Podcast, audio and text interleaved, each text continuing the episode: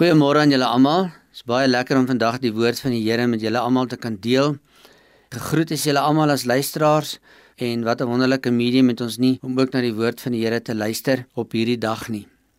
Ek groet jou vandag in die naam van die Vader en die Seun en die Heilige Gees, die een wat was, die een wat is en die een wat dieselfde is tot in alle ewigheid. Daarin lê ons vrede en daarin lê ons rus en daarin lê ook ons sekerheid. Amen. Kom ons begin deur saam te sing die lied wat sê Voel jy soms of die Here ver is? Dit sluit so mooi aan by ons skrifgedeelte in die boodskap wat die Here vandag met ons wil deel. Kom ons sing dit heerlik saam.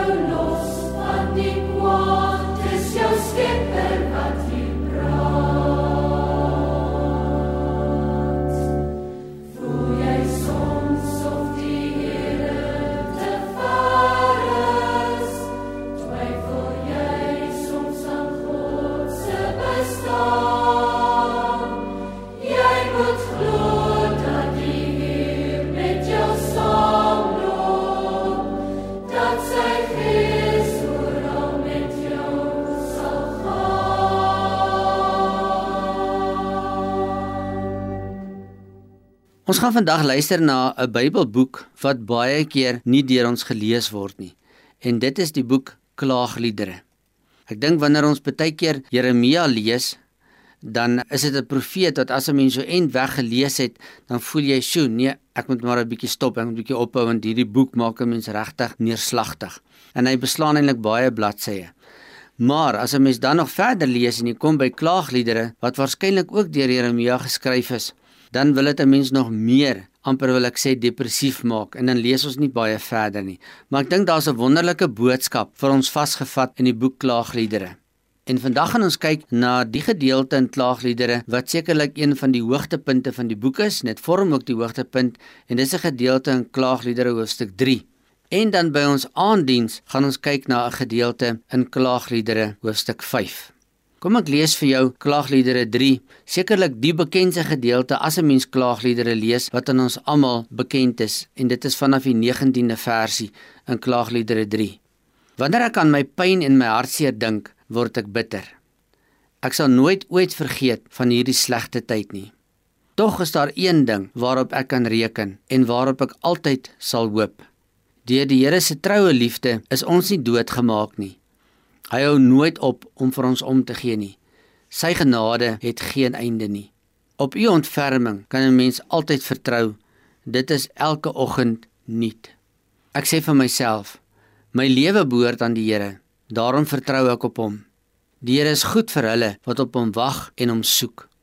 Dit is goed om geduldig te wag totdat die Here ons red. Dit is goed om van jongs af te leer om geduldig vir die Here te wag. Mense moet geduldig sit en wag totdat die Here aandag aan hulle gee. Daar is hoop vir jou as jy stil bly. Draai jou ander wang wanneer jou vyande jou beledig. Want die Here laat 'n mens nie vir altyd eenkant nie. Hy bring wel hartseer, maar hy het ook medelee omdat sy troue liefde so groot is. Hy geniet dit nie wanneer mense seer kry of hartseer is nie. Kom ons bid net eers saam voordat ons luister na wat die Here vir ons uit hierdie gedeelte uit wil sê. Vader, dankie dat u woord vir ons lewend is. Dankie dat u woord nooit leeg na u toe terugkom nie. Dankie dat u woord kragtig is en dat u woord vir ons 'n riglyn is op ons lewensreis en 'n lig op ons pad.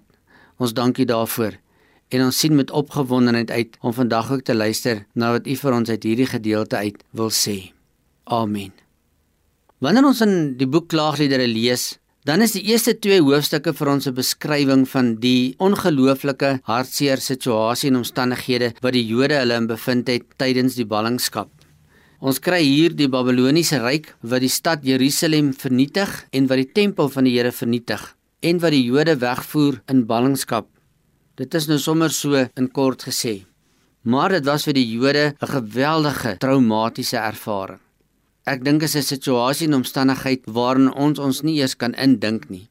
Maar hoe ek en jy kan identifiseer met hierdie verhaal is dat dit wat dit hier veroorsaak het, dit wat die oorsaak was van hierdie ongelooflike slegte situasie wil 'n mens amper sê in die lewe van die Jode kom al oor baie eeue en oor 'n baie lang tyd. Die Here het al vir hulle in Eksodus en in Deuteronomium baie duidelik gesê dat as hulle afwyk van dit wat hy van hulle verwag en hoe hy graag wil hê hulle moet lewe en dat hulle van hom af wegdwaal, hy nie anders sal kan as om hulle in ballingskap te laat wegvoer nie. Dit het nou al klaar met die Noordryk gebeur onder die Assiriese ryk en nou gebeur dit ook met die Suidryk onder die Babiloniese ryk. Vir die Jode met die geweldige belofte van die land Israel wat hulle ontvang het, was dit traumaties om van hulle land af weggevoer te word. Ek dink wat 'n mens leer in die eerste twee hoofstukke, as 'n mens klaagliedere sou lees en selfs die eerste klompie verse van hoofstuk 3, is wat is die vernietigende effek wanneer 'n mens die keuse maak om van God af weg te beweeg. Kom ons noem dit maar by die naam soos wat die Bybel dit wil noem en soos wat klaagliedere dit noem en dit is die sonde van die volk om weg te beweeg van God af, om keuses te maak, 'n lewenstyl aan te neem, 'n lewenswyse te omarm wat hulle eintlik vervreem het van God en wat hulle afgoderry begin beoefen het. Maar ek dink ten diepste gaan dit om te sê ek dien nie meer die Here nie. Ek staan nie meer in afhanklikheid voor die Here nie. Ek sien hom nie meer vir wie hy is nie.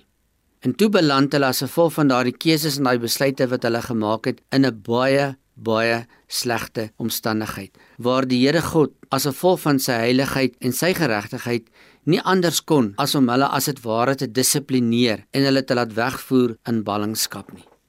En dit is wat 'n mens baie keer baie aan 'n mens se lyf ervaar wanneer ek en jy wat kinders van die Here is, want Israel was die volk van die Here, hulle was sy mense, wanneer ons nog steeds besluite maak wat teenstrydig is met die wil en die woord van die Here, beland ons baie keer in ons eie lewens in 'n baie baie slegte omstandigheid in 'n baie slegte situasie. Wat hier duidelik na vore kom in die boek Klaagliedere is dat die effek van sonde moet God dikwels in ons lewens dissiplineer.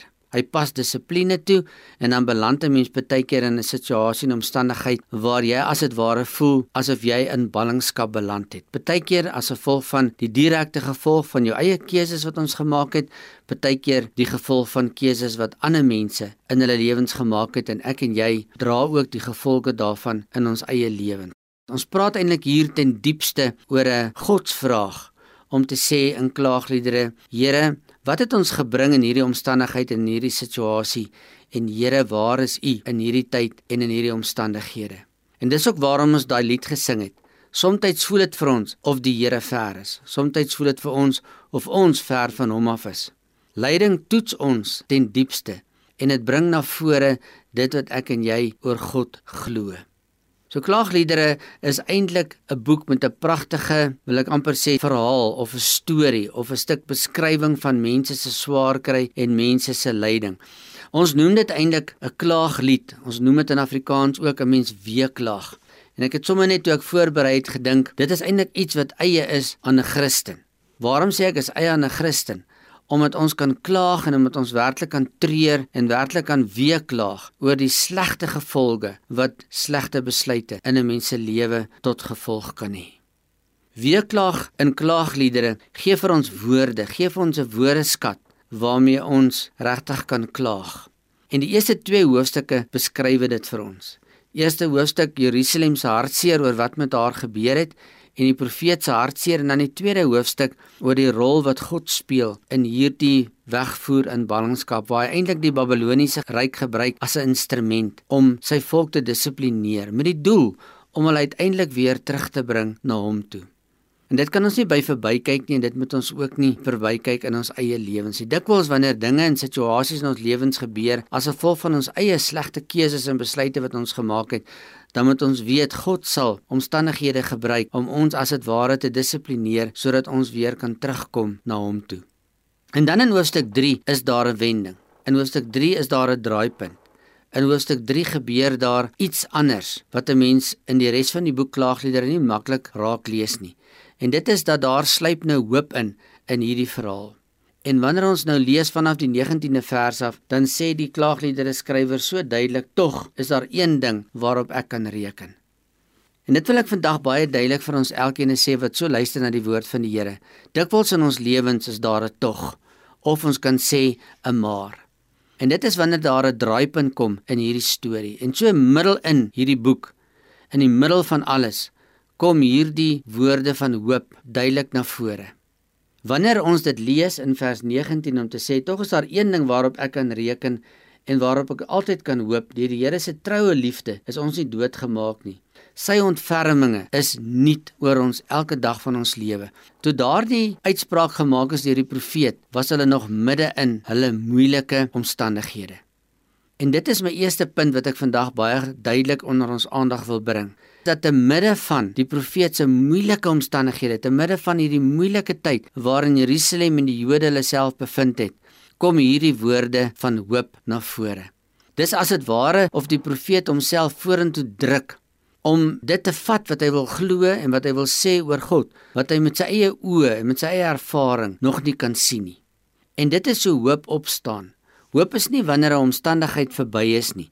Hoop is dikwels iets wat opstaan te midde van die omstandigheid waarbinne ons ons bevind. En daarom te midde van hierdie hartseer omstandighede is daar woorde van hoop. En dit staan vir my so uit in hierdie boek Klaagliedere. Ek dink is so 'n duidelike boodskap wat uit Klaagliedere in ons na vore kom. Hoop kom nie as gevolg van veranderde omstandighede nie.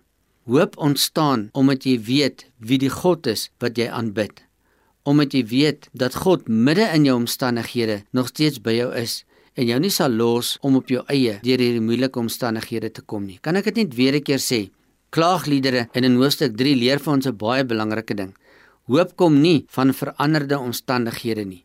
maar hoop ontstaan vanuit dit wat jy weet wat waar is van God, ongeag die omstandighede rondom jou. In die eerste paar verse van hoofstuk 3 kry ons dat hulle nog steeds vasgevang is in hulle omstandighede en die laaste klompie verse vers 39 tot 66 kry ons dit ook. Maar tog het iets verander. En in die middelste gedeeltjie van hoofstuk 3 kom sê die profeet dat hy wil vir ons 'n prentjie kom gee van wie hierdie God is wat ons ken en wat ons aanbid.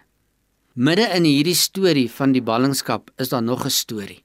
En dis baie dikwels ook waar van ons eie lewens. Binne in die moeilike omstandighede waarin ons ons soms bevind, is daar heel dikwels 'n ander storie ook. En hierdie ander storie het te doen met die verlede van die Jode.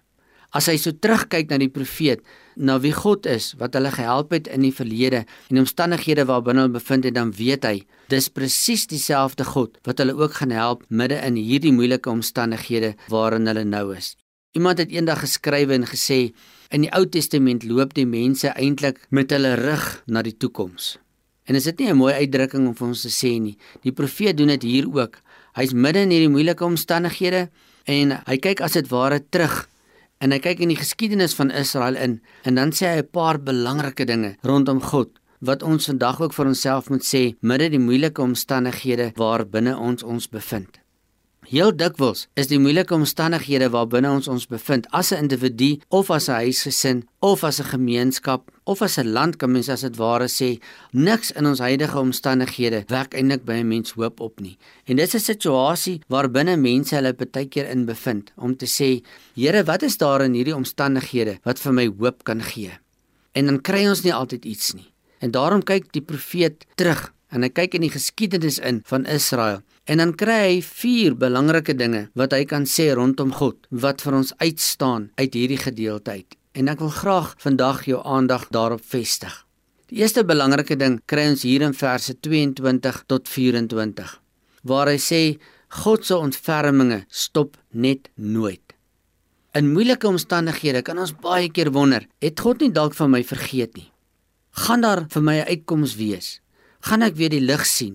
Ons gebruik baie keer uitsprake en woorde soos daar is nie lig aan die einde van die tonnel nie of ja, baie keer sien 'n mens lig aan die einde van die tonnel. En dis presies wat die profeet hier vir ons wil sê. Daar is lig aan die einde van die tonnel. God het nie van ons vergeet nie. En die woord wat hy hier gebruik wat vir ons uitstaan, is die woordjie troue liefde en ontferming. Dit is verbondswoorde. As 'n mens in die Ou Testament lees, kan jy nie God se verhouding met die Jode en met die Joodse volk los sien van die verbond wat hy met hulle gesluit het nie. En hierdie woordjie gesed wat ons kry in vers 22, dui op God se verbondsliefde. En daardie verbondsliefde van God sê hy bly altyd getrou aan die verbond wat hy met Israel gesluit het. Selfs te midde van hierdie ballingskap, selfs te midde van hierdie moeilike omstandighede, kom sê die profeet, is daar hoop. En daardie hoop is gefestig op die feit dat God 'n verbond met hulle gesluit het. En daardie verbond sê: Ek sal julle God wees en julle sal my mense wees vir altyd. So al moet God ons baie keer dissiplineer en al beland ons baie keer in moeilike omstandighede, omstandighede wat ons nie altyd kan verklaar nie, omstandighede wat ons nie altyd kan verstaan nie, of dalk baie keer omstandighede wat direk in verband staan met verkeerde keuses of verkeerde besluite wat ons geneem het. En God het nodig om ons terug te bring in ons omstandighede terug na hom toe. Dan moet ons weet, hy is gewillig tot herstel want hy is die verbondsgod, die een wat ons liefhet. Ons kry verwysings daarna in Eksodus 34 vers 6, Deuteronomium 30 vers 3 waar hy sê hy sal vir altyd hierdie verbond met ons in stand hou. Psalm 73 vers 26 wil hy sê te midde van alles het hy ons nog steeds lief en sal hy nog steeds sy verbondsliefde met ons in stand hou. Waar anders kry ons dit duideliker as in Romeine 8 wanneer Paulus skrywe oor God se liefde vir ons dat te midde van lyding, swaar kry, dood, enige omstandigheid waarbinne ons ons bevind, bewys God sy liefde vir ons in Christus Jesus ons Here. Ons hoop te midde van is nie 'n verandering van ons omstandighede nie maar dit is dat God se verbondsliefde, sy liefde vir ons in Christus Jesus is altyd daar. Dis die eerste belangrike ding wat Klaagliedere 3 vir ons wil sê wanneer hy woorde van hoop kom uitspreek. Ons dien 'n verbondsgod. En selfs in die Nuwe Testament het God 'n nuwe verbond met ons gesluit. En daardie nuwe verbond is in Christus Jesus ons Here. Christus is eintlik die verpersoonliking van God se verbondsliefde vir ons. Sy dood en sy opstanding. In Christus sal God nooit afwyk van die liefde wat hy vir ons as sy kinders het nie. Ongeag dis die situasie, ongeag die probleem wat ons dalk mag ervaar en beleef, kom sê die klaagliedere skrywer, Ons moet nooit twyfel aan die liefde wat God vir ons het te midde van nie. Is dit nie vir ons so 'n duidelike prentjie wat ons ook kry in 'n normale huisgesin waar 'n pappa en 'n mamma hulle kinders baie keer moet dissiplineer, maar hulle doen dit omdat hulle vir hulle lief is, omdat hulle vir hulle omgee. En die dissipline verander niks aan die liefde wat 'n pappa en 'n mamma vir 'n kind het nie. Dit is waarom 'n pa en 'n ma baie keer na hulle kind gedissiplineer het, daai kind sal vat Hulle sal hom arm en sal sê onthou dat pappa en mamma vir julle baie lief is. Dis ook 'n tipe van 'n verbondsliefde wat 'n ouer met 'n kind het. En dis dieselfde liefde wat God vir ons het en die bewys van daai liefde is in ons Here Jesus Christus self en dit wat hy vir ons gedoen het. So daarom ons hoop te midde van ons omstandighede is nie 'n verandering of dat my omstandighede nou moet ophou of dat ek nou klaar aan die ander kant uit is nie maar dat God se liefde vir my daar is te midde van die omstandighede waarbinne ek my bevind. En dan die tweede belangrike ding wat in Klaagliedere 3 na vore kom in vers 25 tot 30 is dat wag is nooit tyd wat vermors is nie. Ons kry dit 'n klomp keer in hierdie verse vers 25 tot 30. Dan sê hy dit is goed vir hulle wat hoop op hom en vra wat hy wil hê. Dit is goed om geduldig te wag totdat die Here ons red. Dis goed om van jongs af te leer om geduldig vir die Here te wag. 'n Persoon moet geduldig sit en wag totdat die Here aandag aan hom gee. Dan sê hy, daar is hoop vir hom as hy choopstil bly. As ons geduldig is. Tussen oordeel, dit wat ons hier kry in klaagliedere, tussen die oordeel van die ballingskap en die restaurasie baie jare later, lê 'n baie waardevolle tyd. Is dit nie waar ook van my en jou nie? Wie van ons is dalk nou in ons lewens heidaglik in so 'n wagperiode? So 'n tydperk waarbinne ons ons bevind wat dit baie onstuimig gaan in my lewe. Waar ek dalk baie vrae het in my lewe, waar ek dalk baie hartseer beleef. Ek kan amper my omstandighede beskryf as ek bevind myself in 'n ballingskapsperiode. En in daardie tyd wag ons. En 'n wagperiode is baie keer baie pynlik. En dit is ook baie moeilik. Ons lewe in 'n vinnig bewegende samelewing. Ek dink ons lewe in 'n tyd waar ons soms baie ongeduldig is om te wag om te sien wat is dit wat God vir my wil leer. En partykeer wil ons uit 'n omstandigheid uitkom en uit 'n situasie uitkom sonder om 'n deur te werk. Sonder om werklik te gaan sit op 'n klip en vir onsself af te vra, wat is dit wat die Here van my vra in hierdie omstandigheid waarbinne ek my nou bevind? En dis die vraag wat die Jode vir hulle self moet vra. Die laaste hoofstuk in Klaagliedere bring dit ook na vore en sit dit ook op die tafel waarna ons by die aanddiens 'n paar oomblikke by sal stil staan. Maar in ons eie lewens is wag heel dikwels 'n tydperk van groei. 'n Tydperk waarin hoop gebou word, 'n tydperk waarin ons geloof versterk word, 'n tydperk waarin ons berou kan hê 'n tydperk waarin ons kan omdraai, dat ons tot inkeer kan kom en kan terugbeweeg na dit toe wat die Here van ons vra. 'n Tydperk waar verhoudings kan herstel, 'n tydperk waar ons afskeid kan hanteer, waar ons hartseer kan verwerk. In hierdie periode van wag lê daar heel dikwels vir ons 'n groot stuk hoop in opgesluit.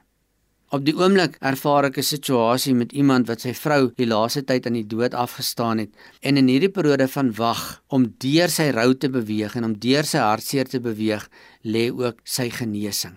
Wag is nooit tyd vir mors nie. Ons sien dit in Jeremia 29, een van die hoofstukke wat die profeet geskryf het, 'n brief wat hy aan die ballinge geskryf het, waar dit vir hulle baie moeilik was in Babel om juis te wag vir hierdie herstel wat hulle geglo het wat van God se kant af sal kom. Dit was vir hulle moeilik en daarom skryf hy hulle in hulle brief in Jeremia 29 en gee hy eintlik vir hulle 'n bietjie inhoud aan hierdie wagperiode om te sê moenie in hierdie wagperiode sit en niks doen nie. Dit is nie 'n tyd van niks doen nie, maar is 'n tyd om dit deur te werk en te verwerk dit wat heidaglik in my lewe van my verwag word deur God en deur sy Gees. Ek wil sommer vandag vir jou bid en vir jou moed inbid wat in so 'n wagperiode is. Ek myself was al in my lewe in sulke wagperiode, sulke tye wat jy worstel, sulke tye wanneer dit vir jou voel, "Sjoe Here, waar is U in hierdie omstandighede?" Tye wat 'n mens regtig waar vir die Here moet gaan vra, "Wat is dit wat U van my vra?" En dit is heel dikwels 'n baie sinvolle tyd in ons lewens waarin ons geestelik kan groei en dit is ook wat God verwag het van sy kinders in hierdie tyd van ballingskap om terug te keer na hom toe om weer hulle verhouding met hom te herstel. So die tweede ding, ek dink wat Klaagliedere 3 vir ons op die tafel wil sit, wat aansluit by hoop, is dat ons nie die tyd waarin ons moet wag, die tyd waarin ons bevind, moet sien as tyd gemors nie, maar dit regtig tyd is wat ons sinvol kan gebruik. En ek wil jou aanmoedig vandag Wat ook al die situasie en omstandighede wat vir jou voel asof jy dalk in 'n ballingskapsperiode is, 'n tyd waaroor jy kan klaag, 'n tyd waar jy baie hartseer is, is ook 'n tyd waarin ons geestelik heel dikwels die beste groei in ons lewens. Die derde belangrike ding wat hy vir ons kom sê, is dat pyn en lyding is nooit die finale woord nie. Vers 31 tot vers 32. Pyn en lyding is nooit die finale woord nie. Sal my situasie ophou? Klaagliedere 3 vers 31 tot 32 sê dit sal. Daar's 'n blywende doel agter alles. God wil hê ek en jy moet dit ontdek. Hy sal vir ons leiding gee deur sy Heilige Gees, maar daar kom 'n einde aan alles. Aan enige pyn, aan enige lyding is daar 'n eindtyd. En dit sien 'n mens ook duidelik in Jeremia 29 en dit kom duidelik deur ook in Klaagliedere. Dit sal nie vir ewig aanhou nie. En daarin lê ook 'n stuk hoop vir almal van ons opgesluit. Dit sal nie vir ewig aanhou nie. En daardie wil ek ook vandag vir my en vir jou moet inpraat. Ek lees hom hier die aanhaling wat iemand gesê het wat ons altyd moet onthou. He is not poor or much enticed who loses everything but Christ. It won't be long before the rod becomes the tender kiss of God. In ons lyding, in ons swaar kry, in ons klaag, moet ons weet ervaar ons hierdie wonderlike teenwoordigheid van die Here ook in ons lewens. En dan die vierde ding wat uitstaan hier in Klaagliedere 3. En dit is God is altyd goed. Ons glo mos dat dinge ten goeie meewerk vir hulle vir wie God lief is. God weet klaag, hy's ook hartseer oor die omstandighede en die situasie van sy mense. Hy verlustig hom nie in die leed van sy mense nie. Hy verlustig hom nie in die dissipline van sy eie kinders nie. Hy doen dit omdat hy 'n bepaalde doel daarmee het. En dit is nie teenstrydig met die goedheid van God nie. Hy stop Israel as dit ware in hulle rebelsheid en hy verlang en hy soek na hulle terugkeer na hom toe. Al moet dit hom die stappe laat neem van om Jerusalem en die tempel te verwoes, sal hy nogtans sy doel bereik want hy is 'n goeie God. En ek wil dit vandag ook vir my en vir jou kom sê. Ons dien 'n wonderlike goeie God. 'n Ouer wat nie sy kind dissiplineer nie, is nie 'n goeie ouer nie. Laat ons dit net weer vir mekaar sê. Iemand het eendag die opmerking en gesê is jy dan so min lief vir jou kinders dat jy hulle nie wil dissiplineer nie. Nee, 'n goeie ouer is 'n ouer wat dissipline toepas. Ons dien so God wat nie ons as sy kinders, maar net in ons situasie en omstandighede waar ons soms verkeerde keuses gemaak het, soos wat die Jode hulle verkeerde besluite gemaak het nie. Nee, hy sal ons dissiplineer omdat hy goed is, omdat hy lief is vir ons, omdat ons aan hom behoort en omdat ons syne is. So in hierdie derde hoofstuk van klaagliedere lê eintlik 'n besondere stukkie hoop vir ons almal opgesluit. Ons kan dit met ons saamvat. Sy verbondsliefde is altyd daar. Wag totdat God uiteindelik sy doel met ons bereik het, is nooit tyd gemors nie. Pyn en lyding en swaar kry het 'n einde. Ons moet daaraan vashou. Net soos wat hy vir die Jode die belofte gegee het in Jeremia 29, daar sal 'n dag kom wat jy weer sal kan terugkeer En dan laastens, God is altyd goed. En in hierdie uitsprake van hoofstuk 3 lê vir my en vir jou te midde van die klaag, te midde van die hartseer, te midde van moeilike omstandighede in ons lewens, lê daar altyd vir ons 'n stuk hoop ingebou. It won't be long for the rod becomes the tender kiss of God. Dankie Vader dat U altyd teenwoordig is. Dankie dat U altyd daar is. Dankie dat U te midde van my persoonlike omstandighede my gesinsomstandighede, my stadsomstandighede, die dorp waarin ek bly, die land waarin ons woon. Ja Here, ons klaag ook baie maal oor die situasie en die omstandighede rondom ons, omdat ons weet Here dat sonde so dikwels die oorsaak daarvan is. Dankie dat U ons nooit los nie. Dankie dat U altyd te midde van ons omstandighede daar is en dat ons op U kan hoop en op U kan vertrou. Amen. Kom ons sing ook nou daardie pragtige mooi lied wat Habakuk geskryf het wat vir ons getoon het is al sou die vrye boom nie bot nie. Ek dink dis 'n lied wat Habakuk geskryf het ook in omstandighede en situasie waarin die volk hulle self bevind het en sê hy te midde van dit kan ek nog altyd aan God vashou. Kom ons sing dit saam.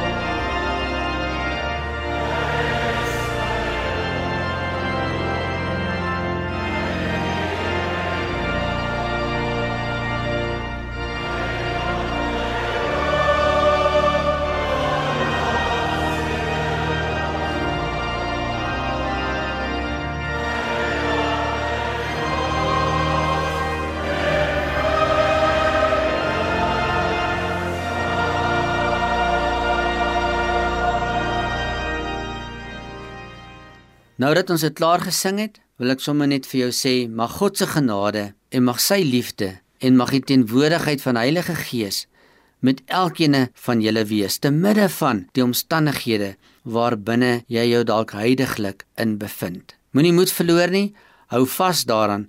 Ons dien 'n genadige God, 'n liefdevolle God, 'n teenwoordige God in ons lewens elke dag. Amen.